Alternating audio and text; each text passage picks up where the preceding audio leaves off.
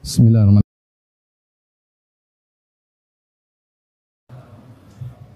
Alhamdulillahi ala ihsani wa syukru lahu ala taufiqihi wa amtinani wa ashadu an la ilaha illallah wahdahu la syarika lahu ta'ziman li sya'ni wa ashadu anna muhammadan abduhu wa rasuluhu ada ila ridwani Allahumma salli alaihi wa ala alihi wa ashabihi wa ikhwani Hadirin dan hadirat yang dirahmati oleh Allah subhanahu wa ta'ala uh, InsyaAllah tidak lama lagi akan datang bulan yang kita tunggu-tunggu, bulan Ramadhan. Semoga Allah Subhanahu wa taala mudahkan kita untuk bertemu dengan bulan tersebut dan semoga kita bisa mengisi hari-hari yang indah di bulan tersebut dengan ibadah yang maksimal dan optimal. Amin ya rabbal alamin. Sebagaimana kita ketahui bahwasanya bulan Ramadhan adalah bulan yang penuh berkah, terlalu banyak dalil akan keutamaan bulan Ramadhan. Saya akan singgung uh, sedikit saja. Di antaranya Rasulullah sallallahu alaihi wasallam mengatakan atakum ramadhan syahrun mubarak. Telah datang kepada kalian uh, bulan Ramadhan yang merupakan bulan penuh keberkahan dan tentunya keberkahan Al-Qur'an keberkahan bulan Ramadhan sangat banyak di antaranya bulan Ramadhan adalah alladhi unzila fihi al-Quran, bulan yang Allah pilih untuk diturunkan Al-Quranul Karim. Sehingga dikatakan dia adalah sayyidus syuhur, pimpinan para bulan, bulan yang terbaik di antara bulan-bulan yang ada.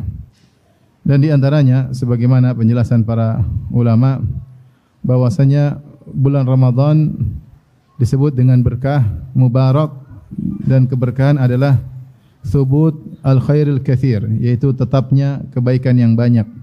Dikatakan suatu itu mubarak atau berkah karena banyak kebaikan di dalamnya dan menetap. Oleh karenanya para ulama mengatakan beribadah di bulan Ramadan dilipat gandakan pahalanya baik secara kuantitas maupun kualitas. Baik secara kuantitas maupun kualitas meskipun tidak ada dalil yang secara spesifik selain Lailatul Qadar menunjukkan berapa jumlah banyak dilipat gandakan tersebut. Tetapi secara umum para ulama sepakat orang beribadah di bulan Ramadhan tidak sama dengan beribadah di luar bulan Ramadhan. Di antara isyarat-isyarat yang menunjukkan akan hal ini seperti uh, Nabi sallallahu alaihi wasallam ya lebih banyak kedermawanannya ketika di bulan Ramadhan. Ibnu Abbas radhiyallahu anhu berkata, "Kana Nabi sallallahu alaihi wasallam ajwadan nas." Rasulullah SAW adalah orang yang paling dermawan. Wa kana ajwad ma yakun fi Ramadhan dan Rasulullah SAW se, eh, sepuncak-puncak dermawanannya ketika di bulan Ramadhan. Tentunya tidaklah Nabi lebih dermawan di bulan Ramadhan kecuali karena pahalanya lebih banyak. Demikian juga misalnya Rasulullah SAW bersabda, Al-umratu fi Ramadhan ta'dilu hajjatan ma'i. Bahwasanya umrah di bulan Ramadhan seperti haji bersamaku. Ini menunjukkan bahwasanya umrah di bulan Ramadan tidak sama seperti umrah di luar bulan Ramadan. Tentu pahala umrah sendiri sudah sangat besar. Al umratu ila al umrati kafaratun lima bainahuma. Umrah satu dengan umrah yang lain adalah penebus dosa-dosa di antara keduanya. Kemudian juga Rasulullah SAW menyebutkan tentang keutamaan umrah bahwasanya tanfi uh, al khabath atau tanfi al-dhunub wal faqr bahwasanya umrah bisa menghilangkan kefakiran dan juga menghilangkan dosa-dosa. Kama tanfil kan yanfil kir khabathal hadid sebagaimana alat pandai besi bisa menghilangkan karatan besi. Itu di luar bulan Ramadan. Di bulan Ramadan lebih spesifik karena umrah tersebut dikerjakan di bulan yang mulia maka seakan-akan pahala umrah tersebut seperti berhaji bersama Nabi sallallahu alaihi wasallam kemudian juga misalnya malam Lailatul Qadar yang kata Allah Subhanahu wa taala Lailatul Qadri khairun min alfi syahr. Lailatul Qadar lebih baik daripada seribu bulan. Artinya siapa yang beribadah di malam tersebut diberi taufik oleh Allah dengan ibadah yang diridhai oleh Allah Subhanahu wa taala, maka dia seperti beribadah lebih baik daripada seribu bulan. Seribu bulan kalau kita bagi secara tahun itu 83 83 tahun lebih. 83 tahun lebih. Dan kita hanya beribadah di malam Lailatul Qadar, salah satu di antara malam ganjil di 10 hari terakhir, paling ibadah maksimal mungkin 10 jam. Kalau taruhlah malam satu malam 10 jam, 11 jam dipotong dengan istirahat misalnya dua jam atau tiga jam. Ya, kita hanya beribadah sekitar delapan jam dengan ibadah yang diridai oleh Allah Subhanahu Wa Taala dari ibadah maghrib sampai terbit fajar subuh, maka seakan-akan kita beribadah bukan seperti 83 tahun, tapi kata Allah khairun lebih baik dari 83 tahun. Ini di antara bonus yang Allah berikan kepada umat Muhammad sallallahu alaihi wasallam. Jika ada ada seorang diberi taufik untuk mendapatkan Lailatul Qadar 10 tahun berturut-turut, maka seakan-akan dia beribadah lebih baik dari 830 tahun. Lebih baik dari 830 uh, tahun. Ini adalah uh, suatu bonus yang sangat luar biasa mengingat umat atau umur umat Muhammad singkat antara 60 sampai 70 70 tahun dibandingkan umat-umat terdahulu seperti umat Nabi Nuh yang umurnya sampai ratusan ratusan tahun maka ini adalah kesempatan bagi umat Muhammad sallallahu alaihi wasallam untuk mendapatkan pahala yang banyak.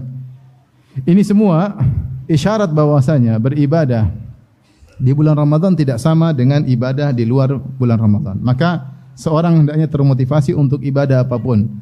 Silaturahmi di bulan Ramadan, bikin acara undang keluarga makan di bulan Ramadan, berbakti kepada orang tua di bulan Ramadan tidak sama seperti di luar bulan Ramadan, berzikir di bulan Ramadan tidak sama seperti berzikir di luar bulan Ramadan, baca Al-Quran di bulan Ramadan tidak sama seperti baca Al-Quran di luar bulan Ramadan, bersedekah di bulan Ramadan tidak sama dengan bersedekah di luar bulan Ramadan. Ya. Maka ini bulan spesial yang Allah siapkan untuk kita, hendaknya kita menyebutnya dengan sebaik-baiknya. Di antara keutamaan bulan Ramadan, disebutkan bahwasanya bulan Ramadan futihat abu abul jannah. Dalam riwayat futihat abu abus sama. Pada bulan Ramadan dibukakanlah pintu-pintu uh, langit. Disebut juga dalam riwayat dibukakan pintu-pintu surga. Apa maksudnya dibukakan pintu-pintu langit dalam sebagian riwayat? Maksudnya ada yang mengatakan dibukakan pintu-pintu langit artinya amal mudah diterima oleh Allah Subhanahu wa taala. Allah berfirman, "Ilaihi yas'adul kalimut thayyibu wal amalus salihu yarfa'u." Kepada Allah lah naik perkataan-perkataan yang baik dan amal soleh diangkat oleh Allah Subhanahu wa taala. Ketika langit pintu langit terbuka, maka amal soleh mudah diterima oleh Allah Subhanahu wa taala. Tidak seperti di bulan-bulan yang lainnya. Ada yang mengatakan bahwasanya dibukakan pintu-pintu langit, maksudnya rahmat Allah mudah turun kepada hamba-hambanya. Karena rahmat Allah, ya kalau kita boleh katakan benar-benar diturunkan sangat banyak di bulan Ramadhan. Kemudian ada yang mengatakan dibukakan pintu-pintu langit, maksudnya doa mudah dikabulkan. Doa mudah dikabulkan. Doa yang dipanjatkan oleh orang yang berpuasa, apalagi menjelang berbuka, ya atau sepertiga malam yang terakhir adalah doa-doa yang mudah dikabulkan terutama di bulan Ramadhan. Ini isyarat dari makna futihat abu-abus sama, dibukakan pintu-pintu langit. Dalam riwayat futihat abu-abul jannah, dibukakan pintu-pintu surga. Maksudnya apa? Seakan-akan pintu surga sudah terbuka menyambut orang untuk masuk surga. Isyarat bahwasanya untuk masuk surga sangat mudah seorang beribadah di bulan Ramadhan. Seorang beribadah di bulan Ramadhan sangat mudah untuk masuk masuk surga. Makanya uh, dalam hadis ya bahwasanya uh, Rasulullah sallallahu alaihi wasallam mengatakan uh, walillahi utaqa'u minan nar wa dzalika fi kulli lailah bahwasanya di bulan Ramadan ada orang-orang yang tercatat terbebas dari neraka jahanam dicatat masuk surga dan itu berlaku setiap malam bulan Ramadan dan kita bulan bulan Ramadan ada kalau bukan 29 malam ada 30 malam maka setiap malam tersebut ada kesempatan bagi kita untuk tercatat terbebaskan dari neraka jahanam dan masuk surga. Kalau kita tidak mendapatkan di malam pertama, masih ada malam kedua. Tidak dapatkan malam kedua, masih ada malam ketiga dan seterusnya sampai malam ke 29 atau malam ke 30. Maka ini kesempatan bagi kita untuk meraih keberkahan bulan Ramadan dengan sebanyak-banyaknya agar dicatat sebagai hamba-hamba yang dibebaskan dari neraka jahanam menuju surga Allah Subhanahu wa taala. Di antara keutamaan bulan Ramadan bahwasanya uh, bulan Ramadan dikondisikan oleh Allah Subhanahu wa taala agar seorang mudah beribadah. Makanya Nabi SAW mengatakan wasufiddati syayatin pada bulan Ramadan setan-setan dibelenggu. Apa yang dimaksud dengan setan-setan dibelenggu? Ada yang mengatakan bahwasanya gerak setan di uh, diperkecil, dipersempit. Memang setan bisa menggoda tapi dia seakan-akan terbelenggu sehingga dia tidak leluasa menggoda sebagaimana biasanya. Karena di bulan Ramadan ada juga orang yang bermaksiat ya, tetapi lebih sedikit daripada di bulan-bulan biasanya. Ada yang mengatakan sufidati syayatin, setan-setan dibelenggu maksudnya uh, maradatu syayatin yaitu gembong-gembong para syaitan. Maka gembong-gembong para syaitan dibelenggu sehingga yang menggoda adalah syaitan-syaitan kroco ya. Oleh karenanya kalau ada orang di bulan Ramadan masih tergoda juga berarti dia digoda oleh apa? Syaitan-syaitan apa? Kroco. Berarti imannya lemah. Imannya apa? Lemah ya. Buktinya bulan Ramadan masih bermaksiat berarti imannya apa? Lemah. Karena syaitan-syaitan gembong-gembong syaitan sedang dibelenggu oleh Allah Subhanahu wa taala. Jadi Allah mengkondisikan bulan tersebut sehingga seorang tidak mudah digoda oleh syaitan. Kemudian ada suara yang menyeru agar kita semangat. Kata Nabi sallallahu alaihi wasallam, "Yunadi munadin." Ada yang menyeru, "Ya bagial khairi aqbil wahai pencari kebaikan, semangatlah. Wa ya bagiya syarri wahai orang-orang yang mencari keburukan ingin bermaksiat, aqsir maka berhentilah." Ada seruan-seruan keimanan dalam hati seorang mukmin untuk semangat melakukan ibadah dan untuk berhenti dari maksiat yang dia lakukan. Ini dirasakan oleh banyak orang. Ada semangat motivasi yang muncul dengan sendirinya ketika datang bulan Ramadan. Karenanya ikhwan dan akhwat yang rahmati Allah Subhanahu wa taala, hendaknya kita semua berusaha untuk menyambut bulan Ramadan dengan semaksimal mungkin. Ketahuilah sejauh mana semangat kita untuk menyambut bulan Ramadan semakin tinggi, maka keberkahan semakin besar yang akan kita dapatkan. Allah dalam hadis kursi mengatakan, "Man taqarraba ilayya dhira'an, taqarrabtu ilayhi uh, ba'an atau man taqarrabtu taqarraba ilayya shibran, taqarrabtu ilayhi dhira'an." Siapa yang mendekatkan dirinya kepadaku dengan sejengkal maka aku akan mendekat kepadanya dengan sehasta. Siapa yang mendekatkan dirinya kepadaku sehasta maka akan mendekat kepadanya dengan sedepa. Menunjukkan bahwasanya jika orang semangat maka Allah lebih semangat. Keberkahan akan semakin banyak. Dan itu yang dilakukan oleh para salaf. Mereka dahulu setengah tahun berdoa agar Ramadan mereka sebelumnya diterima dan mereka berdoa juga setengah tahun agar mereka dipertemukan dengan bulan Ramadan, agar mereka dipertemukan dengan bulan Ramadan. Artinya kerinduan mereka kepada bulan Ramadan sangat besar karena mereka tahu inilah saatnya bersaing untuk mendapatkan kebaikan dan pahala surga sebanyak-banyaknya karena ini adalah bulan kesempatan untuk beribadah di mana pahala dilipat gandakan secara kuantitas maupun kualitas. Maka sungguh merugi seorang yang mendapati bulan Ramadan lantas dia tidak diampuni oleh Allah Subhanahu wa taala. Makanya Nabi sallallahu alaihi wasallam bersabda, "Raghima anf, sungguh merugi, sungguh merugi man adraka Ramadan fansalakha falam yukfar lahu." Seorang mendapati bulan Ramadan, lantas bulan Ramadan lewat 30 hari atau 29 hari lewat, kemudian ternyata dia tidak diampuni oleh Allah Subhanahu wa taala, sungguh ini adalah orang yang merugi. Kenapa merugi? Karena telah dibukakan kesempatan besar bagi dia, namun dia tidak memanfaatkannya. Kalau seorang tidak beribadah di bulan Ramadan, kemudian mau beribadah di bulan apa lagi? Kalau seorang tidak bertobat di bulan Ramadan, kapan lagi dia mau bertobat? Maka semangat persiapan untuk menyambut bulan uh, Ramadan. Oleh karenanya kita dulu di Arab Saudi sering mendengar khutbah. Ada khutbah khutbah di masjid-masjid. Sebagian khutib menyampaikan terutama ketika akan datang 10 hari terakhir. Mereka menyampaikan, wahai para jamaah, sebentar lagi 10 hari terakhir maka persiapkan diri ya. Kalau ingin kalau bisa beli makanan sebelum datang 10 hari terakhir, itu beli makanan yang banyak masukkan ke kulkas sehingga tidak banyak ke pasar sebelum datang 10 bulan Ramadan. Masalahnya kalau gaji belum turun ya bagaimana ya? kalau bisa beli baju lebaran sebelum 10 hari terakhir lakukan agar ketika 10 hari terakhir tidak iktikaf di mall tapi iktikaf di masjid. Karena kalau enggak sibuk cari baju lebaran malam 21 belum dapat, cari lagi malam 23. malam 23 belum dapat baju lebaran, cari lagi malam 25 dan seterusnya. Akhirnya buang-buang waktu di mall. Artinya menunjukkan mereka serius ketika ingin menyambut bulan Ramadan. Siapa yang bisa mengatur jadwalnya sehingga dia bisa lebih konsen di bulan Ramadan, maka itu yang yang terbaik.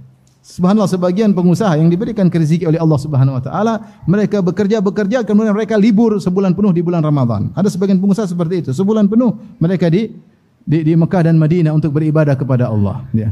Ya, maka seorang berusaha mengatur jadwalnya dengan kalau dia berniat karena Allah, Allah akan mudahkan. Sehingga ketika datang bulan Ramadan tetap dia beraktivitas tapi dikurangi aktivitasnya karena dia ingin beraktivitas untuk akhirat bisa lebih lebih fokus. Ini diatur maka siapa yang berusaha menyambut bulan Ramadan maka dia akan mendapatkan keberkahan lebih lebih banyak. Jangan jadikan bulan Ramadan seperti jadwal rutinitas rutinitas tahunan yang tidak kita pedulikan. Ya sudah lewat, datang pergi, datang pergi tidak. Kita harus menyambutnya dengan penuh ke kegembiraan dengan penuh semangat. Oleh karenanya semoga Allah Subhanahu wa taala mudahkan kita untuk bertemu dengan bulan Ramadan, memberi taufik kepada kita untuk bisa optimal dalam beribadah di bulan tersebut.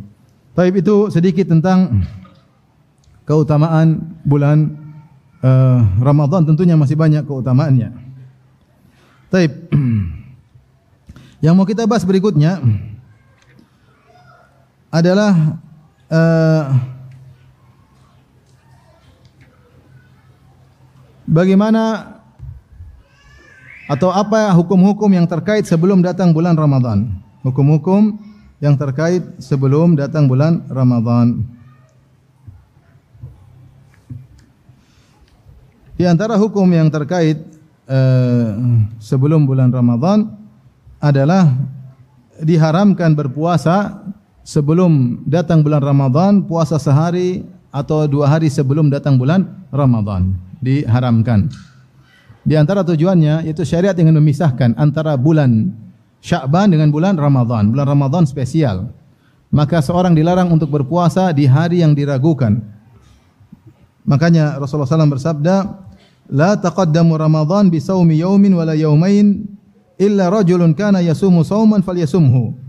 Janganlah kalian mendahului Ramadan dengan berpuasa sehari atau dua hari sebelumnya. Tidak boleh berpuasa siapa tahu sudah masuk bulan Ramadan untuk hati-hati pada tanggal 29 Sa'ban puasa atau 30 Sya'ban puasa. Jangan kata Nabi tidak boleh.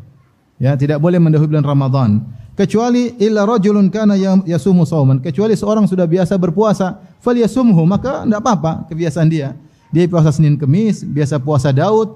Kalau kebetulan ngepasi tanggal 29 Syakban atau ngepasi 30 Syakban puasa Senin Kemis tersebut atau puasa Daud tersebut, maka tidak jadi tidak jadi masalah. Adapun seorang yang tidak biasa puasa tiba-tiba ingin puasa sehari atau dua hari sebelum Ramadan untuk hati-hati, maka ini hati-hati yang tidak tidak diperbolehkan. Makanya dalam hadis dari Ammar bin Yasir Rasulullah SAW bersabda atau Ammar bin Yasir berkata, "Man shoma yauma syakki faqad asa Abul Qasim." Siapa yang berpuasa di hari yang diragukan, Ramadan atau bukan, maka sungguhnya telah bermaksiat kepada Abul Qasim, itu bermaksiat kepada Nabi Muhammad sallallahu alaihi wasallam. Oleh karenanya, eh, seorang boleh berpuasa di bulan Syak di bulan Sya'ban, tapi ketika sudah menjelang akhir bulan Sya'ban, maka hendaknya dia berhenti berpuasa. Tidak boleh dia berpuasa sehari atau dua hari sebelumnya kecuali puasa tersebut uh, kebiasaannya. Kecuali puasa tersebut kebiasaannya.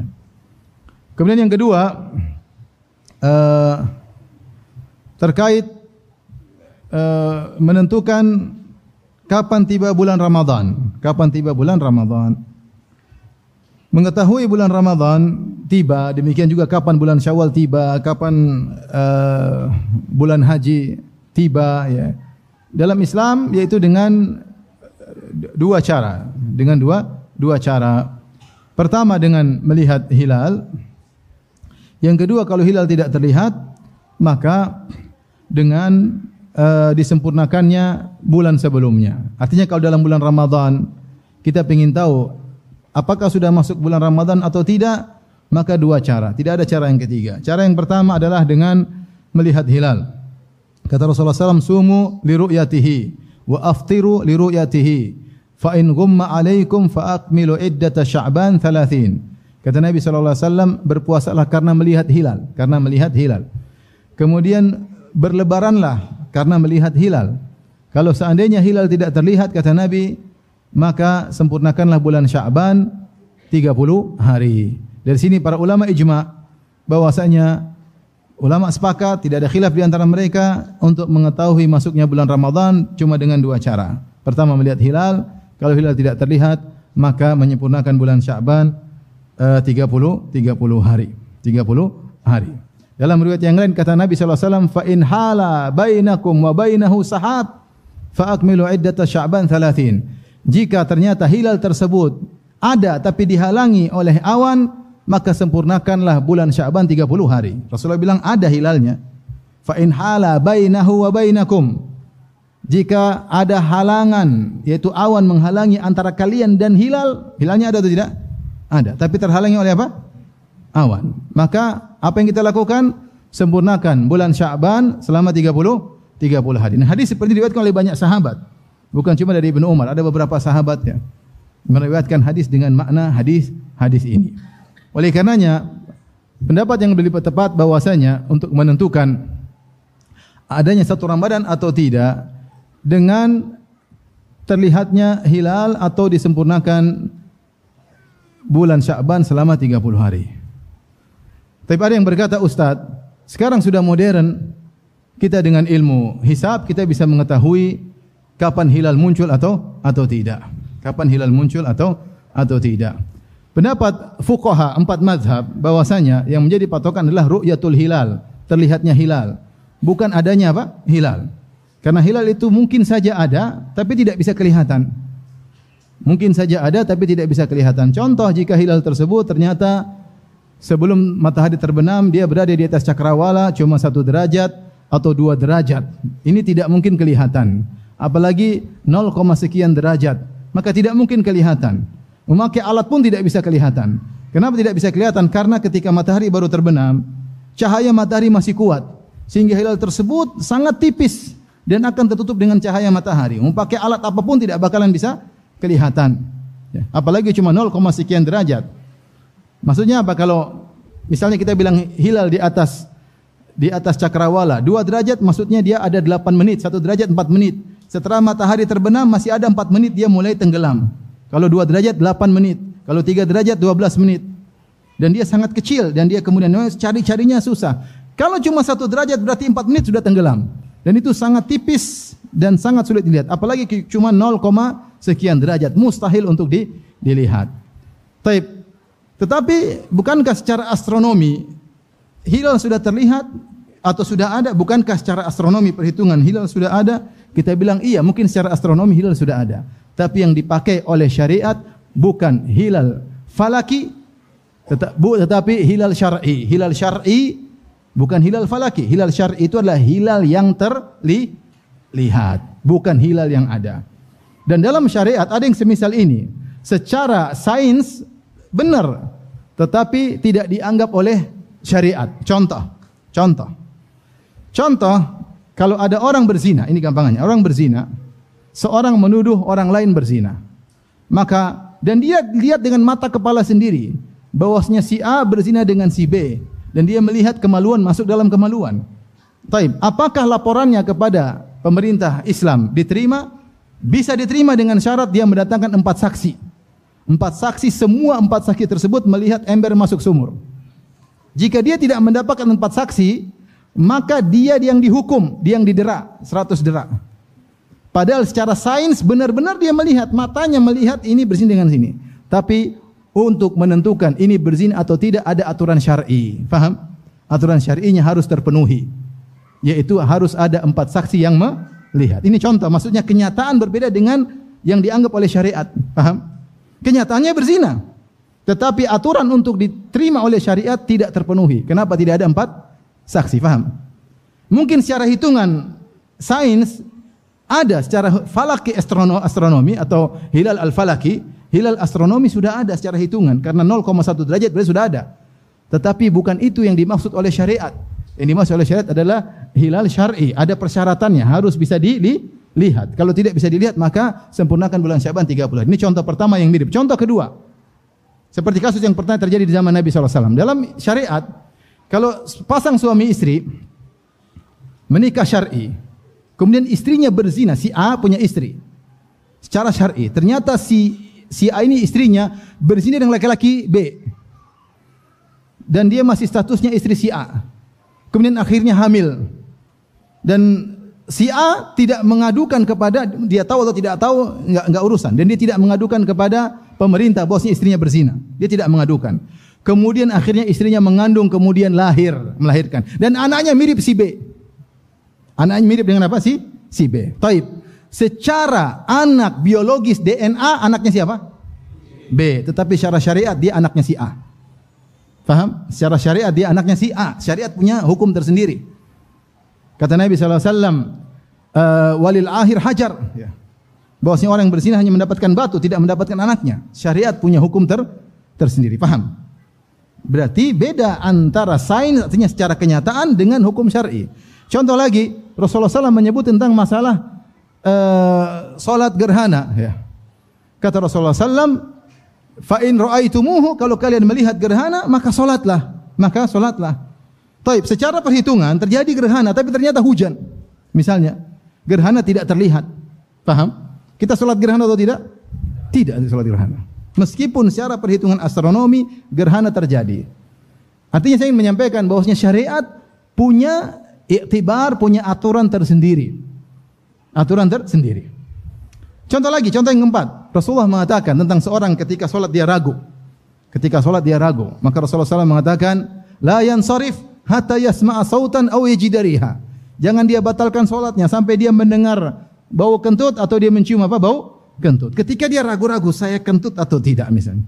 Kok kayaknya duburnya ada keluar hembusan udara yang lembut sekali. Aduh, apalagi perutnya guruk-guruk-guruk. Aduh. Tapi dia enggak mendengar suara keluar. Dia sudah berusaha mendengar tidak ada suara. Dia mencium pun tidak tidak ada. Bisa jadi tetangganya cium diam-diam. Tetapi ternyata dia lanjutkan solat. Solatnya sah atau tidak? Sah. Meskipun kenyataannya mungkin keluar. Secara sains keluar. Kalau dilihat di di CCTV kemudian dipasang detektor ketahuan. Cuma ada aturan syariat, paham? Ada aturan syariat.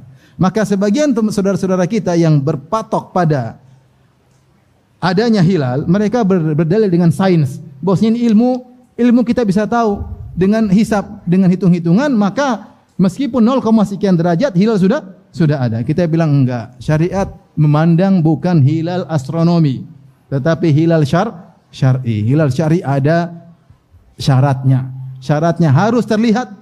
Jika tidak terlihat, maka menyempurnakan bulan Syaban berapa hari? 30 hari. Dan ini banyak nukilan ijma. Nukilan ini banyak sekali. Tentang bahwasanya inilah ijma dan tidak ada pendapat yang lain. Paham? Dan ini pendapat empat madhab. Oleh karenanya, insyaAllah kita menentukan puasa atau Ramadan mengikuti pemerintah. Karena pemerintah menggunakan metode ru'yatul apa? Hilal. Hilal terlihat. Paham sampai di sini? Taib. Berikutnya terkait dengan uh, niat.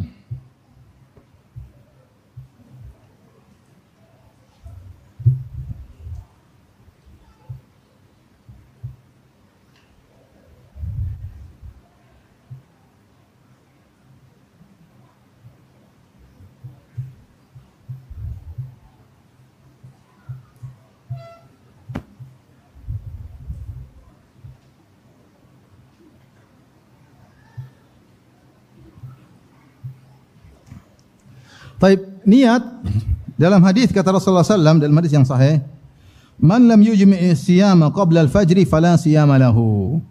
Barang siapa yang tidak memantapkan niat puasa sebelum terbit fajar maka tidak ada puasa baginya. Dalam riwayat yang lain man lam yubayyit as-siyam qabla al-fajr Barang siapa yang tidak memantapkan niatnya untuk puasa sebelum terbit subuh terbit fajar. Dalam riwayat yang lain man lam yubayyit as-siyam min al-lail siapa yang tidak memantapkan niatnya sejak malam hari. Maka di antara syarat untuk berpuasa puasa Ramadan dia harus berniat sebelum terbit fajar. Sebelum azan subuh dia sudah niat besok saya mau puasa. Besok saya mau puasa. Itu harus dia niatkan. Jika dia niatkan besoknya setelah terbit fajar, tidak tahulah besok saya puasa atau enggak, enggak tahu. Dia masih ragu. Kemudian besok ketika sudah terbit subuh, terbit fajar, ah saya mau puasa deh, tidak sah. Kenapa? Karena dia tidak pasang niat sebelum terbit fajar, sebelum adzan subuh. Dan ini berlaku pada puasa-puasa wajib seperti puasa Ramadan, seperti puasa nazar, seperti puasa qada. Maka ini harus diniatkan sebelum terbit apa? Fajar. Berbeda dengan puasa sunnah. Kalau puasa sunnah, maka seorang boleh berniat meskipun di pagi hari dengan syarat dia belum makan dan minum dari pagi hari. Sebagaimana dilakukan oleh Nabi sallallahu alaihi wasallam. Nabi sallallahu alaihi wasallam sering kalau di pagi hari tanya kepada istrinya, hal indakum ta'am, apakah ada makanan? Kata istrinya tidak ada, maka Nabi SAW mengatakan, idhan fa'ana sa'im. Kalau gitu saya puah, puasa. Kalau begitu saya puasa. Berarti Nabi baru niat kapan? Baru sekarang di pagi hari. Rasulullah niat untuk makan. Hal indakum ta'am, apakah ada makanan sarapan? Apa maksud Nabi tanya ada sarapan? Mau apa sih? Mau makan. Ternyata tidak ada, Nabi mengatakan idan fa ana shaim. Kalau gitu saya puasa. Berarti puasa sunnah boleh diniatkan di siang hari dengan syarat belum makan dan minum dari pagi hari. Tetapi kapan argo pahala mulai berjalan? Argo pahala berjalan semenjak dia berniat. Kalau dia berniat sejak jam 7 ya pahalanya berjalan dari jam 7. Kalau dia berniat jam 10 ya pahalanya berjalan mulai jam 10 karena Nabi bersabda innamal a'malu binniyat. Amalan tergantung niatnya. Dan subhanallah Al-Hafidh uh, atau uh, Al-Imam Al-Bukhari dalam sahihnya menyebut ada sekitar enam sahabat yang kebiasaannya sama seperti Nabi.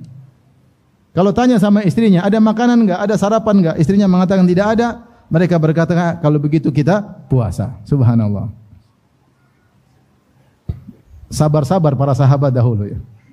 Kita tanya, Mami ada sarapan enggak? Enggak ada. Kalau gitu papi puasa. Kalau suami semua seperti ini, masya Allah. Besok tanya lagi, mami ada sarapan enggak? Enggak ada papi. Ya udah, papi puasa deh, masya Allah. Besoknya lagi, mami ada makan enggak? Enggak ada, mami ngapain aja? mami ngapain aja? Medsos melulu. Masa papi puasa setiap hari? Sahabat disebut enam orang diriwayat dari mereka seperti itu kebiasaan mereka. Kalau enggak ada makanan puasa, subhanallah. Bagaimana miskinnya mereka hidup mereka? Kita pagi-pagi sudah berbagai macam makanan. Kalau enggak di rumah di luar rumah, mau nasi uduk, mau nasi kuning, mau gorengan, apa lagi? Oncomlah berbagai macam judul makanan di pagi hari. Tetapi kalau puasa wajib harus berniat sejak apa? Sejak malam. Nah, Para ulama berselisih apakah niat tersebut harus setiap malam atau boleh dirapel untuk sebulan penuh. Ada dua pendapat. Sebagian ulama mengatakan boleh dirapel sebulan penuh, ada yang mengatakan harus setiap malam karena setiap hari puasa adalah ibadah mustaqillah, ibadah tersendiri. Hari pertama tidak ada kaitan hari kedua, hari kedua tidak ada kaitan hari ke ketiga. Berbeda dengan solat. Solat Isya empat rakaat terkait rakaat pertama sampai rakaat terakhir terkait enggak? Terkait. Kalau batal rakaat keempat batal semua solat. Tapi kalau puasa dia per hari, per hari, per hari, per hari.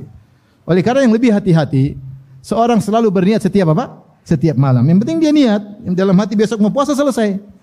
Tidak perlu dia ucapkan misalnya, tidak perlu melafalkan tertentu, tidak perlu. Yang penting dia sudah sudah niat. Karena tidak diriwayatkan dari Nabi mau lafalkan lafalkan tentang niat. Maka cukup dia niatkan dalam dirinya, maka sudah sudah cukup. Ya.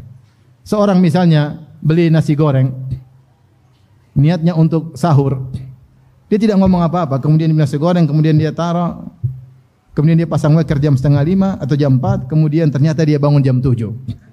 Misalnya. Puasanya sah atau tidak kalau dia berpuasa? Sah, karena dia sudah niat, niatnya ditandai dengan beli nasi goreng. Meskipun dia kebablasan, ya, sudah sah. Ada pendapat yang ringan, pendapat sebagian ulama syafi'iyah, membolehkan berniat sekaligus dirapel sebulan. Saya berniat puasa sebulan penuh. Mereka berdalil dengan hadis dalam Sahih Bukhari, syahrani la yang kusan. Dua bulan yang tidak berkurang. Yaitu Ramadhan dan Zulhijjah. Ramadhan dan Zulhijjah. Ini dua bulan yang mulia. Ramadhan dan Zulhijjah. Zulhijjah ada sepuluh hari pertama yang mulia dan juga ada amalan-amalan haji di bulan tersebut. Ramadhan adalah bulan suci Ramadhan. Maksudnya apa dua bulan tidak berkurang? Dijelaskan oleh para ulama maksudnya bulan tersebut 29 hari atau 30 hari sama mulianya. Bulan tersebut 29 hari atau 30 hari sama mulianya. Dari sini mereka mengambil istimbat hukum bahwasanya syariat memandang bulan tersebut satu kesatuan. Syariat memandang bulan tersebut satu kesatuan sehingga 29 atau 30 dianggap sah, sama. Dari sini mereka mengatakan seorang berniat puasa bulan Ramadan sebulan penuh boleh. Ini pendapat ya, pendapat. Namun lebih hati-hati adalah seorang berniat setiap malam. Dia niatkan sebulan penuh dan dia tekankan lagi setiap malam dia berniat untuk apa? Puasa. Terutama kalau dia ada batal di tengah. Maka dia niatkan untuk sisa hari dia niatkan untuk puasa. Baik.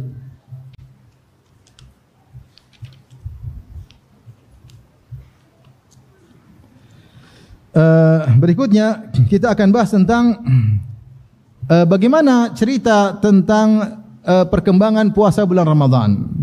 Kewajiban puasa ternyata pada awalnya tidak seperti sekarang yang kita jalani. Kewajiban puasa pertama kali adalah diwajibkan puasa Asyura cuma sehari dalam setahun. Sehari dalam setahun. Ya, dalam hadis dari Ibnu Abbas radhiyallahu anhu, qadiman Nabi sallallahu alaihi wasallam al-Madinah fa al-yahud tasum. Ini adalah marhala yang pertama, tahapan yang pertama. Kata Ibnu Abbas Rasulullah SAW datang kota Madinah. Kemudian Rasulullah SAW mendapati orang-orang Yahudi berpuasa. Maka Rasulullah SAW bertanya, "Ma hadzal yaum? Hari apakah ini? Alladzi tasumunahu yang kalian puasai?" Orang Yahudi berkata, "Hadza yaumun azim." Ini adalah hari yang agung. "Hadza yaumun anjallahu Musa wa qaumahu." Ini adalah hari di mana Allah selamatkan Musa dan kaumnya wa aghraqa ala fir'aun dan Allah tenggelamkan Firaun dan bala tentaranya. Fasamahu Musa syukran lillah. Maka Nabi Musa berpuasa di hari Asyura 10 Muharram karena bersyukur kepada Allah telah diselamatkan oleh Allah Subhanahu wa taala. Maka Nabi sallallahu alaihi wasallam bersabda, nahnu aula bi Musa minkum kami lebih utama mengikuti Nabi Musa daripada kalian. Fa amaran nasa bisiyamihi maka Nabi memerintahkan para sahabat untuk berpuasa hari Asyura. Jadi hari Asyura ni hukumnya wajib pertama kali. Ramadan belum ada. Ramadan belum belum ada. Dan ternyata hari Asyura ini yang puasa banyak. Ya, bahkan dalam riwayat yang lain hari Asyura juga dipuasai oleh orang-orang musyrikin Arab. Dan hari Asyura orang-orang musyrikin Arab, orang-orang Quraisy mengganti kiswah Ka'bah. Mereka mengumumkan hari tersebut. Kemudian juga orang Yahudi juga berpuasa pada hari Asyura.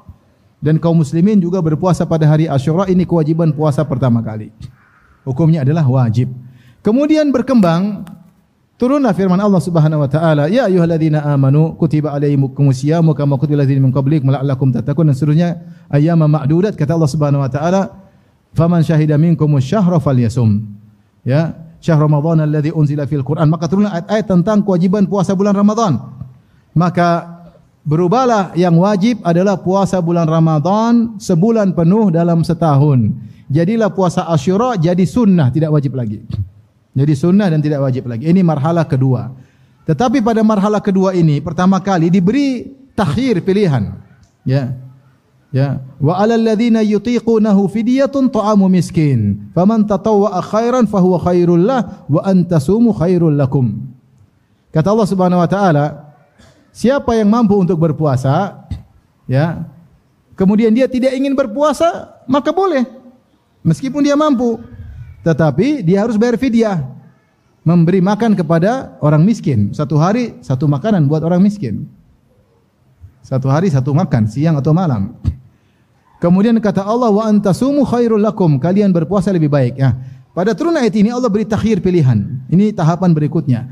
Boleh berpuasa boleh tidak. Yang pengin puasa meskipun pengin puasa maka itu lebih baik. Yang tidak pengin puasa meskipun dia masih muda, meskipun dia mampu, dia boleh tidak puasa tapi bayar fid fidyah. Tahapan berikutnya ada pilihan. Faham? Ini tahapan keberapa? Ke dua. Tahapan ketiga, maka tidak ada pilihan. Faman syahida minkum syahra falyasum. Tidak ada pilihan siapa yang ya melihat bulan yaitu melihat hilal atau mendapati bulan Ramadan maka hendaknya dia berpuasa, tidak ada pilihan. Yang bayar fidyah cuma yang tidak mampu untuk berpuasa. Seperti kakek tua, nenek tua yang tidak mampu lagi berpuasa, orang yang sakit, yang tidak mungkin sembuh maka mereka lah yang bayar apa? Fidyah. Adapun yang mampu berpuasa maka wajib berpuasa tidak ada pilihan. Faham? Kemudian tahapan berikutnya juga yang disebutkan dalam tahapan puasa. Dahulu lebih berat. Orang kalau sahur dia hanya boleh makan di malam hari antara maghrib sampai isya itu saja. Jadi sahur terakhir sampai solat i, isya. Atau ke, sebelum tidur atau sebelum tidur. Siapa yang sudah solat isya, mungkin dia tunda solat isyanya jam 9, jam 10. Atau dia sudah tidur, tidak boleh makan lagi. Misalnya dia tidur jam 9, mudah, enggak boleh makan lagi. Bangun jam 1 lapar, enggak boleh makan lagi. Aturannya batas terakhir makan sahur atau makan malam cuma solat isya atau sebelum apa ti? tidur. Ini dikatakan oleh uh, dalam riwayat Ibnu Abbas dari dalam Sunan Abu Dawud, kana nasu ala ahdi Nabi sallallahu alaihi wasallam idza sallau al-atamata hurima alaihim at-ta'amu wasyarabu wan-nisa wa samu ila al-qabilah adalah di zaman Nabi sallallahu alaihi wasallam jika para sahabat sudah salat Isya maka diharamkan bagi mereka untuk makan lagi, untuk minum lagi dan untuk menggauli istri-istri mereka lagi dilarang. Akhirnya mereka berpuasa sampai besok sampai terbenam matahari lagi besok besok hari. Ini aturan berat. Berat atau tidak? Berat karena jadwal sahur cuma sebentar. Antara maghrib sampai isya atau maghrib sampai sebelum tidur. Maka terjadilah suatu peristiwa yang menyedihkan menimpa seorang sahabat namanya Qais bin Sirma al-Ansari. Dari Bara' bin Azib radhiyallahu taala anhu dia bercerita, bercerita Kana ashabu Muhammadin sallallahu alaihi wasallam idza kana rajulu sha'iman fahadara al-iftar fanama qabla an yuftir lam ya'kul lailatahu wala yawmahu hatta yumsiya. Adalah para sahabat Nabi sallallahu alaihi wasallam jika salah seorang dari mereka berpuasa, kemudian datang iftar waktu berbuka, kemudian tidur sebelum dia berbuka, maka dia tidak boleh makan lagi karena sudah terlanjur ti tidur. Tidak boleh makan lagi kemudian berpuasa sampai besok hari lagi. Wa inna Qais bin Sirmah al-Ansari kana saiman. Ada seorang sahabat namanya Qais bin Sirmah al-Ansari dari kaum Ansar. Dia berpuasa. Falamma hadar al-iftar ata imra'atahu. Tatkala tiba waktunya berbuka puasa dia pun mendatangi istrinya. Faqala laha dan dia bertanya, "A indaki ta'amun?" Wahai istriku, ada bukaan enggak? Ada takjilan enggak? Qalat la, tidak ada. Subhanallah. Sahabatul miskin-miskin. Ada buka enggak? Enggak ada. Kata istrinya, "Walakin antaliku fa'atlubu laka." Tapi saya akan pergi carikan makanan buat kamu. Subhanallah. Sahabat ini enggak ngomel, kamu ngapain aja? Subhanallah. Mungkin memang enggak ada. Kebiasaan bagi mereka kadang makan, kadang enggak makan, kadang sarapan, kadang enggak sarapan. Kadang makan malam, kadang enggak makan malam. Sehingga dia pun tidak marah-marah. Di sini bilang sebentar ya mas, saya cari dulu. Ini tidak marah-marah, dia bilang, "Ayo cepat, aku lapar." Enggak. Itu kalau kita atau sebagian kita. Wa kana yaumuhu ya'mal, padahal hari itu dia kerja. Capek kerja siang hari, waktunya berbuka enggak ada makanan. Faghalabatu ainahu, istrinya sedang cari makanan, ternyata dia ngantuk akhirnya ketiduran. Aturannya apa? Kalau sudah tidur tidak boleh apa? Makan lagi. Faja'athu imra'atuhu. Maka istrinya bawa makanan. Falamma ra'atu qalat tatkala lihat suaminya tidur, oh, sudah enggak bisa makan lagi. Khaybatan lak, rugi kamu suamiku. Ini makanan datang kamu sudah apa? Tidur. Bangun wah, sudah enggak boleh makan lagi. Aturannya sudah tidur enggak boleh makan, makan lagi. Disebut dalam sebagian riwayat istrinya bilang karena sayang kau belum tidur. Kata dia enggak saya sudah tidur. Enggak kau belum tidur. Enggak saya sudah tidur. Subhanallah. Dia tidak bilang, iya mungkin belum ya. Belum ya.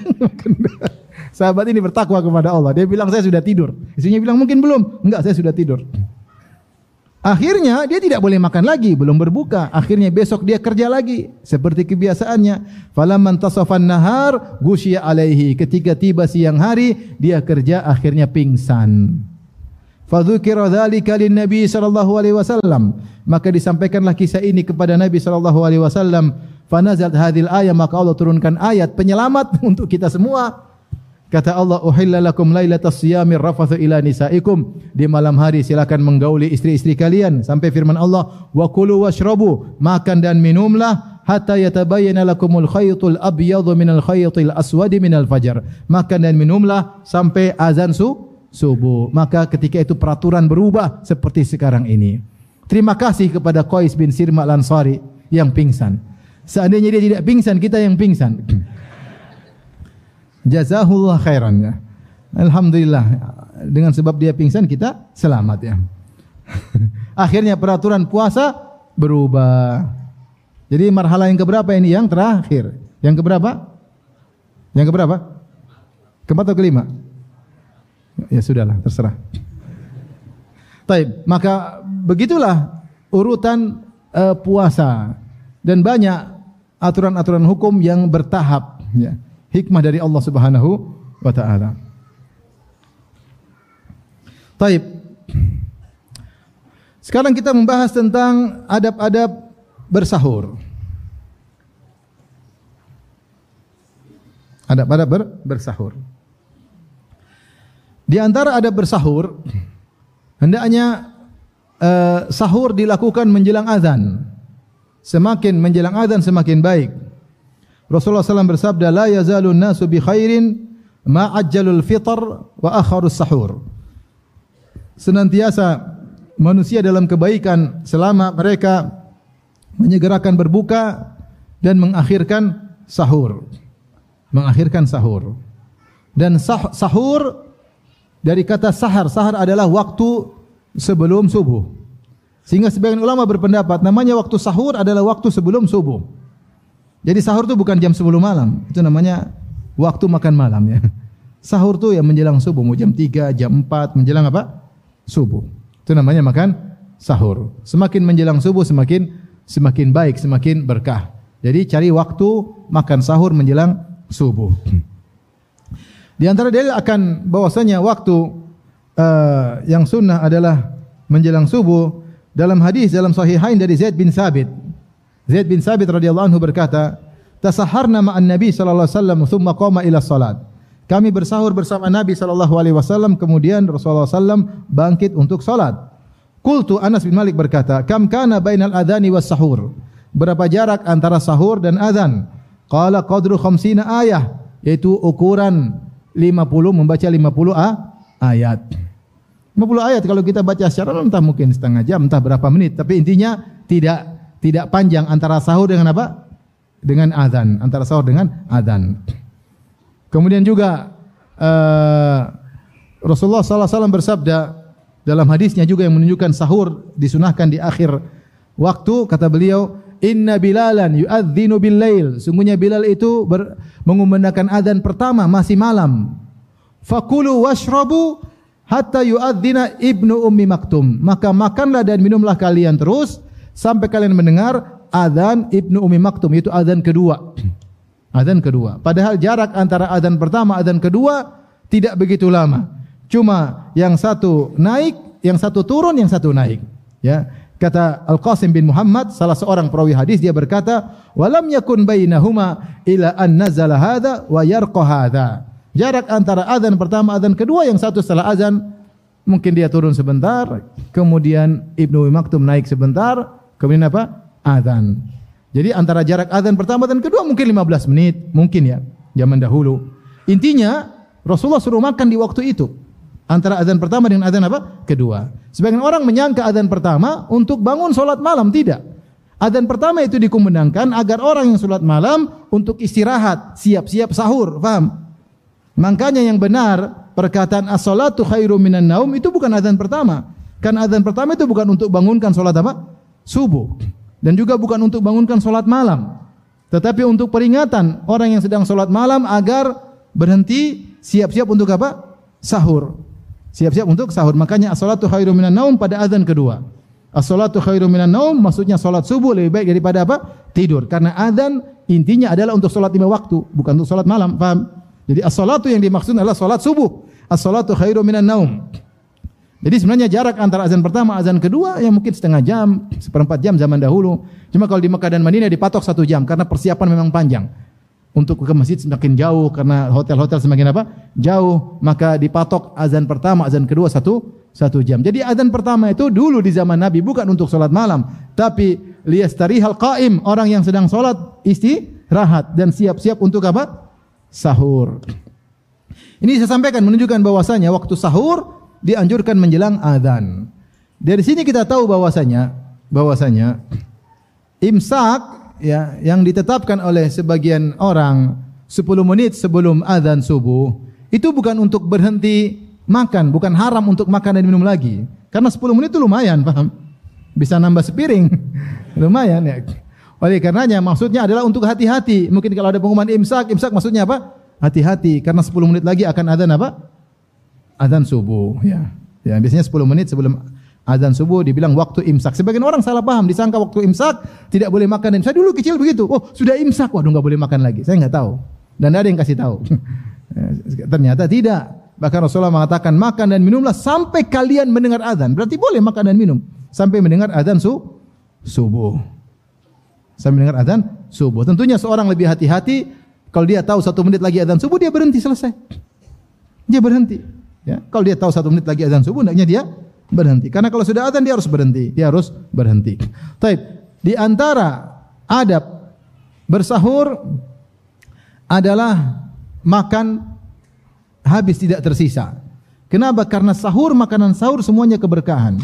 Kata Rasulullah SAW, tasaharu fa inna fis sahuri barakah. Bersahurlah karena makan sahur adalah keber keberkahan.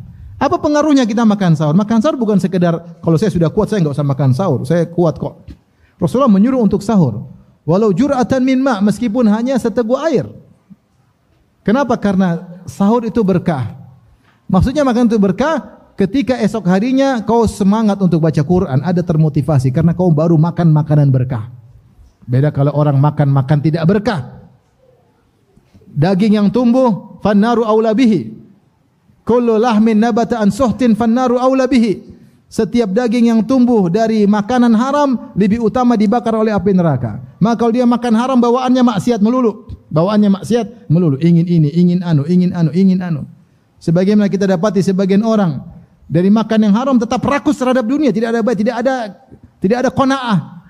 Dan inginnya maksiat melulu, uang kebanyakan untuk ini, untuk anu. Kenapa? Yang dia makan tidak berkah. Tapi kalau orang makan makanan berkah, maka membuat dia termotivasi untuk beribadah. Maka jangan lupa untuk apa? Sahur. Sehingga besoknya kalau kita puasa, ada semangat baca Quran, ada semangat mungkin dengar pengajian, ada semangat beramal soleh.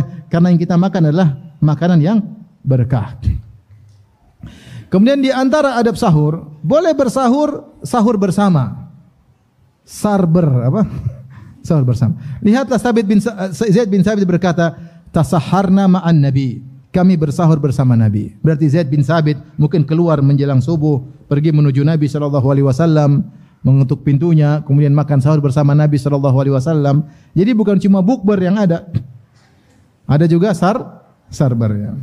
Tentunya ya, lihat situasi dan kondisi. Tidak apa-apa makan bersama, ya, kemudian makan bareng-bareng menjamu tamu untuk makan sahur. Paling tidak kita di keluarga, keluarga suami, istri, anak-anak makan sahur bersama sebagaimana disunahkan oleh Nabi sallallahu alaihi wasallam. Tapi Ustaz, jika kita sedang bersahur tiba-tiba azan dikumandangkan. Jika azan dikumandangkan dan kita sudah yakin sudah waktu sudah masuk waktu subuh, maka wajib bagi kita untuk berhenti. Wajib bagi kita untuk berhenti. Khilaf di kalangan para ulama jika tersisa hanya sekedar air misalnya apakah dia boleh minum atau tidak. Sebagian ulama memandang boleh rukhsah. Kalau dia sedang makan tiba-tiba dikumandangkan Allahu Akbar, Allahu Akbar, ya Allah sudah azan, maka dia boleh menyelesaikan dengan apa? Minum air putih. Berdasarkan hadis ya eh, apa namanya? Idza sami'a ahadukum nida wal ina'u fi yadihi ya fala yadhahu hatta yaqdi hajatahu. Atau kama qala Nabi sallallahu alaihi wasallam. Jika salah seorang dari kalian mendengar dikumandangkan azan. Kemudian sementara gelas ada di tangannya maka jangan diletakkan gelas sampai dia minum selesaikan hajatnya. Dijadikan dalil oleh sebagian ulama ini rukhsah keringanan. Bosnya juga dikumandangkan azan masih boleh apa? Minum. Ini rukhsah. Sebagian ulama mengatakan tidak tidak boleh. Karena jelas dalam Al-Qur'an kulu washrabu makan dan minumlah hatta yatabayyana lakum al-khaytul abyadu min al-khaytil aswadi min al-fajr sampai jelas terbit fajar. Kalau sudah terbit fajar tidak boleh makan dan minum lagi. Siapa yang nekat makan dan minum maka batal puasanya. Berdasarkan ayat. Hadis mereka takwil kata mereka jika mendengar azan pertama. Atau dia mendengar azan yang dia ragu sudah masuk atau belum. Karena terkadang dia ragu ini masuk atau belum. Intinya maksud saya kalau sudah azan kalau kita pun milih pendapat boleh mengambil rukhsah, maka sekedar minum saja. Faham? Selesaikan. Jangan sudah dengar azan, oh santai-santai.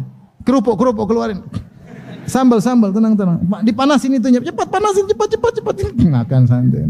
Rukhsah. Ini bukan rukhsah, ini pelanggaran. Tidak sah puasanya. Menurut mayoritas ulama. Kalaupun kamu mengambil pendapat tentang rukhsah, maka cukup untuk minum saja. Maka di antara kesalahan yang dilakukan oleh Sebagian orang-orang menunggu azan mereka pegang air. Allahu Akbar, Allahu Akbar. Mudah-mudahan dimaafkan karena memang awal azan khilaf juga di kalangan para ulama. Tapi maksud saya, kalau bisa kamu tahu, antum tahu bahwasanya satu menit lagi azan subuh sudah berhenti. Berhenti. Paham? Berhenti ya. Di antara cerita lucu ya. Pernah di sebagian pondok tidak tahu fikihnya fikih dari mana. Ya. Jadi azan sudah berkumandang. Kemudian salah seorang murid mengatakan, Ustaz, azan sudah berkumandang. Tunggu, tunggu, saya belum selesai. Tunggu sebentar. Jangan dulu azan, jangan dulu. Sudah selesai azan, azan, azan. Subhanallah. Allah tidak mengatakan makan dan minumlah sampai ustaz kalian kenyang. Tidak ada. Allah bilang makan dan minum sampai terbit apa? Fajar. Terbit fajar. Taib. Di antara fikih yang terkait dengan masalah berbuka, eh, masalah bersahur, jika seorang misalnya suatu tempat dia ragu, dia mungkin HP-nya mati, dia tidak tahu jadwal sholat, dia bingung. Ini sudah azan atau belum? Azan sebelum sementara mungkin di tengah hutan mungkin di tengah gunung dia tidak dengar azan sama sekali. Maka dia menanti terbit fajar. Dia menunggu. Selama dia masih ragu dia boleh makan. Ah belum ini. Ah belum. Belum. Selama dia masih ragu dia masih boleh makan karena hukum kaidah fikih baqa'u makana ala makan asal dalam malam adalah tetapnya malam siang itu suatu yang datang faham Maka selama belum yakin muncul siang, kita kembali kepada hukum asal. Hukum asal ini masih apa? Malam.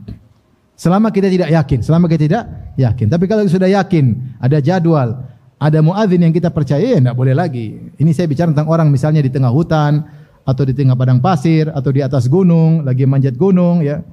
Kemudian dia bingung sudah azan atau belum, maka dia melihat. Dia melihat, faham? Taib.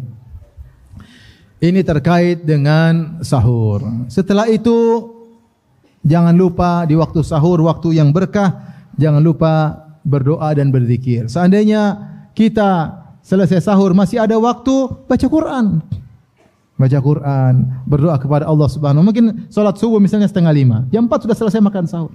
Ya udah baca Quran, lanjutkan wirid kita, lanjutkan baca Quran, target kita baca.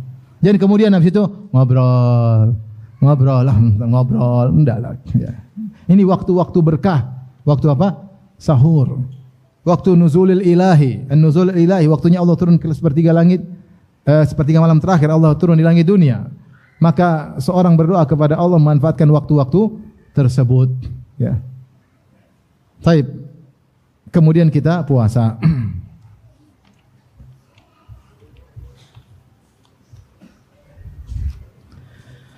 puasa uh, ada adab-adab yang harus diperhatikan yaitu adab-adab atau dua perkara yang harus ditinggalkan. Pertama perkara-perkara yang bisa membatalkan puasa. Yang kedua perkara-perkara yang bisa mengurangi pahala puasa. Pertama perkara-perkara yang bisa membatalkan puasa. Yang kedua perkara-perkara yang bisa uh, mengurangi atau menggugurkan pahala puasa. Karena Allah mengatakan uh, apa namanya? Uhilla lakum lailatas siyami rafathu ila nisaikum. Di malam hari silakan kalian menggauli istri-istri kalian. Kemudian Allah berkata, "Kulu washrabu fal ana bashiruhunna wabtagu ma kataballahu lakum." Maka di malam hari silakan gauli istri-istri kalian. Kulu washrabu, makan dan minumlah kalian sampai terbit fajar. Jadi Allah sebutkan tiga hal di malam hari yang boleh dilakukan. Menggauli istri, makan dan minum sampai terbit apa? Fajar. Dipahami kalau sudah terbit fajar lagi, maka tidak boleh lagi menggauli istri, tidak boleh makan, tidak boleh mi minum. Tiga ini adalah pembatal puasa yang utama. Tiga ini adalah pembatal puasa yang yang utama.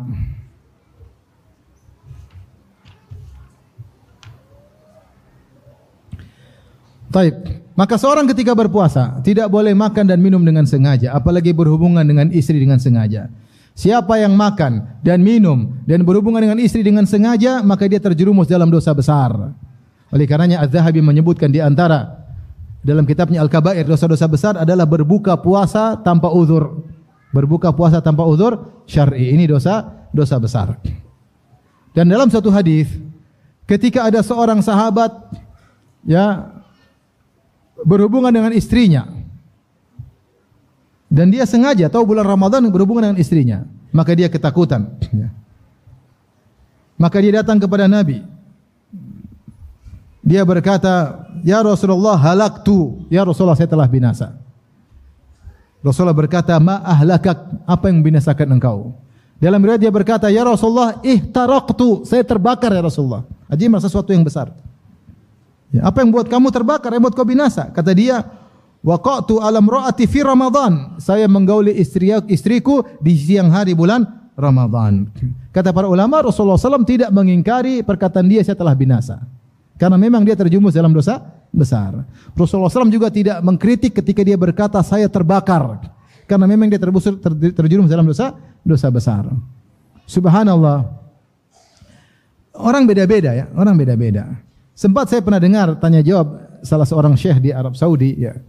Itu pertanyaan sebagian orang, ya, ya, ya syekh, saya tidak bisa menahan syahwat saya di siang hari. Subhanallah. Sebagian orang memiliki apa? Syahwat yang berlebihan, tidak wajar. Sehingga mudah untuk menggauli istrinya, dia tidak kuat menahan syahwat tersebut. Ya, sehingga dia akhirnya terjerumus dalam hal yang yang dilarang. Ya. Bagi sebagian orang mudah tidak tidak berhubungan istri gampang ya, gampang nanti malam juga bisa ya. Ya, tapi ada sebagian orang memang syahwatnya berkobar sehingga terkadang dia tidak bisa menahan syahwatnya sehingga bagi dia sulit untuk melahan syahwat ketika di siang siang hari. Seperti sahabat ini akhirnya dia terjerumus berhubungan dengan istrinya di siang hari. Maka dosa besar, maka harus bertobat dan harus bayar kafarah. Harus bayar kafarah. Maka Rasulullah SAW bertanya kepada dia, Hal tajidu raqabatan tu'tikuha? Apakah kau mampu untuk memerdekakan budak? Karena dia melakukan dosa kafarahnya ada adalah memerdekakan budak. Kata dia lah, ternyata dia orang miskin, tidak punya budak ya Rasulullah. Gimana cara memerdekakan budak? Rasulullah bertanya lagi, "Fahal tastati'u an tasuma syahraini mutatabi'ain?"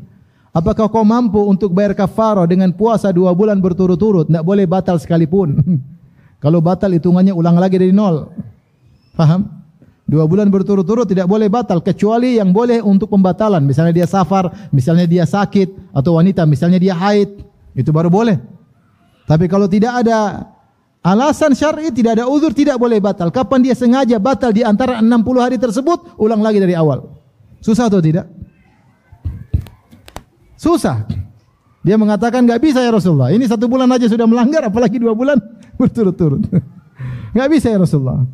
Kata Rasulullah SAW, fahal tajidu, ah, fahal tajidu itu ama sitina miskinan, atau fahal tastatu antut ima sitina miskinan, kau mampu untuk memberi makan kepada kepada 60 fakir miskin sebagai kafarah yang kau lakukan, kafarah dosa yang kau lakukan, kata dia, la, tidak bisa Rasulullah. Jadi kalau orang berhubungan dengan istrinya di siang hari, pertama dia harus bertobat, kedua dia harus bayar kafarah, kafarahnya tingkatan, tingkatan pertama, kalau punya budak harus dia merdekakan, atau dia punya uang beli budak, dia beli kemudian dia mereka. Tapi ini sudah tidak ada zaman sekarang. Maka berpindah pada tingkatan kedua. Harus kalau dia mampu puasa dua bulan berturut-turut, harus dia lakukan. Kalau dia tidak mampu, baru berpindah pada yang ketiga. Yaitu memberi makan 60 fakir miskin. Ternyata orang ini juga tidak punya duit untuk memberi makan 60 fakir miskin. Famakatan Nabi, Nabi pun terdiam. Sudah enggak ada pilihan yang keempat. Pilihan cuma tiga. Fabainama nahnu ala dhalik utiya Nabi wasallam bi araqin fiha tamr wal araqu al miktal. Maka ketika Nabi sedang dalam kondisi demikian tiba-tiba ada orang membawakan satu keranjang korma. Faqala Nabi wasallam, "Aina sa'il? Mana tadi laki-laki yang bertanya?" Kata dia, "Ana ya Rasulullah, saya tadi yang bertanya Rasulullah." Kata Rasulullah, "Khudha fatasaddaq bihi." Ya sudah ambil ini sedekahlah dengan korma ini sudah. Kafarahmu dengan sedekah dengan korma sekeranjang ini. Karena dia enggak bisa enggak punya apa-apa. Maka Rasulullah bersedekah sama dia untuk digunakan untuk berbayar kafa kafar. Kata dia, "A'ala afqara minni ya Rasulullah? Apakah saya harus ber, saya harus bersedekah kepada orang yang lebih miskin dari saya ya Rasulullah? Saya ini yang paling miskin, mau sedekah sama siapa lagi?" Fa wallahi ma baina labataiha Yuridul harratain ahlu baitin afqaru min ahli baiti. Kata dia demi Allah ya Rasulullah, tidak ada orang di kota Madinah ini yang paling miskin dari saya. Saya yang paling miskin ya Rasulullah. Kata Rasulullah SAW, fadahika Nabi SAW, Rasulullah tertawa, hatta badat an yabu sampai terlihat gigi. Taring beliau, semua kala, atimhu ahla, kalau gitu kasih makan keluargamu.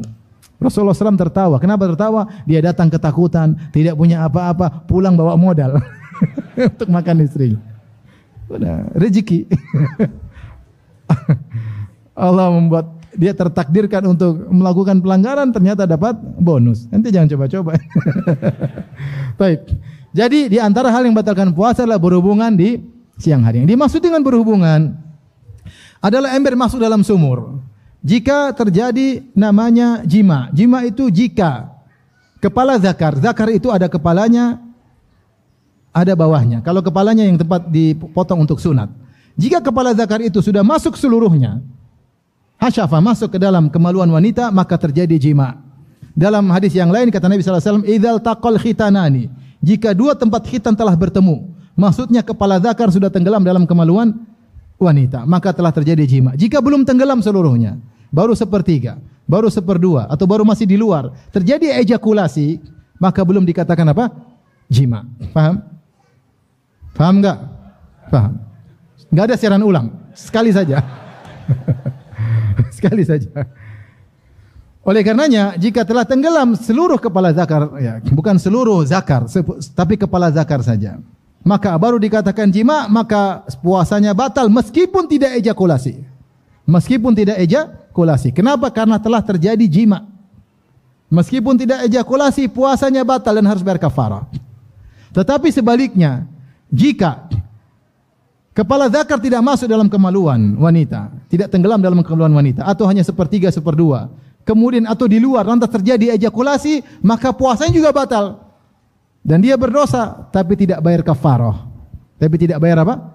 Kafarah. Kenapa? Karena belum terjadi jima. Faham? Tidak ada siaran ulang, faham? Taib, itu membatalkan puasa. Di antara hal-hal yang diikutkan dengan makna makan dan minum adalah impus. Impus kalau diberikan kepada seorang dia agak membatalkan puasa menurut pendapat yang lebih kuat. Karena fungsi impus adalah takziah, memberikan gizi atau nutrisi sebagaimana yang diberikan oleh makanan. Makanya orang kalau tidak tidak bisa makan diimpus, ya atau tidak? Impus berarti pengganti apa? Makanan. Maka siapa yang pakai impus batal puasanya. Demikian juga siapa yang transfusi darah karena makanan berubah menjadi di dalam da darah. Ketika ada seorang kurang darah kemudian transfusi darah dari orang lain, maka batal puasanya. Dan kebanyakan orang yang diimpus atau yang transfusi darah orang sakit itu tidak. Orang sakit boleh berbuka. Orang sakit boleh berbuka. Adapun suntik yang lain untuk pengobatan seperti insulin atau misalnya ada apa namanya vaksin itu tidak membatalkan puasa. Jangan suntiknya di mulut. Kalau di mulut batal. Kalau suntiknya. Dulu, dulu ada kawan dicerita ini kawan dikasih botol dokternya ini di suatu negara lah saya tidak mau sebut negara dikasih botol dikasih suntik maksudnya tuh bot, air suntiknya dimasukin sendiri kemudian dia suntik dirinya sendiri tapi dia nggak ngerti dia Baik, jadi intinya intinya suntik ada dua suntik yang merupakan fungsinya impuls mengganti makanan maka suntik itu membatalkan apa puasa adapun suntik untuk obat maka tidak membatalkan puasa Paham? Tapi di antara makna makan dan minum adalah merokok. Dalam bahasa Arab merokok namanya syurbud dukhan yaitu menghirup ya suatu zat yang dia berlezat-lezat dalam zat tersebut untuk masuk dalam dirinya. Masuk dalam dirinya. Maka merokok membatalkan apa? Puasa. Demikian juga para fuqaha menyebutkan seperti seorang misalnya ada bakar kayu gaharu kemudian dia hirup dengan berlezat-lezat maka puasanya ba batal. Maka puasanya batal karena itu ada zat-zatnya dan dia berlezat-lezat dalam mencium tersebut kemudian masuk dalam paru-parunya kemudian masuk ke dalam perutnya mungkin bisa jadi sehingga batal puasanya. Lain halnya kalau kita lagi diam tahu-tahu ada mobil pakai diesel kemudian masuk ke hidung kita. Ini kita bukan batal puasa karena kita tidak berlezat-lezat. Karena memang tidak bisa dihindari ya ini namanya darurat darurat maka ini tidak membatalkan puasa. Wallahu taala bisawab. Assalamualaikum warahmatullahi wabarakatuh.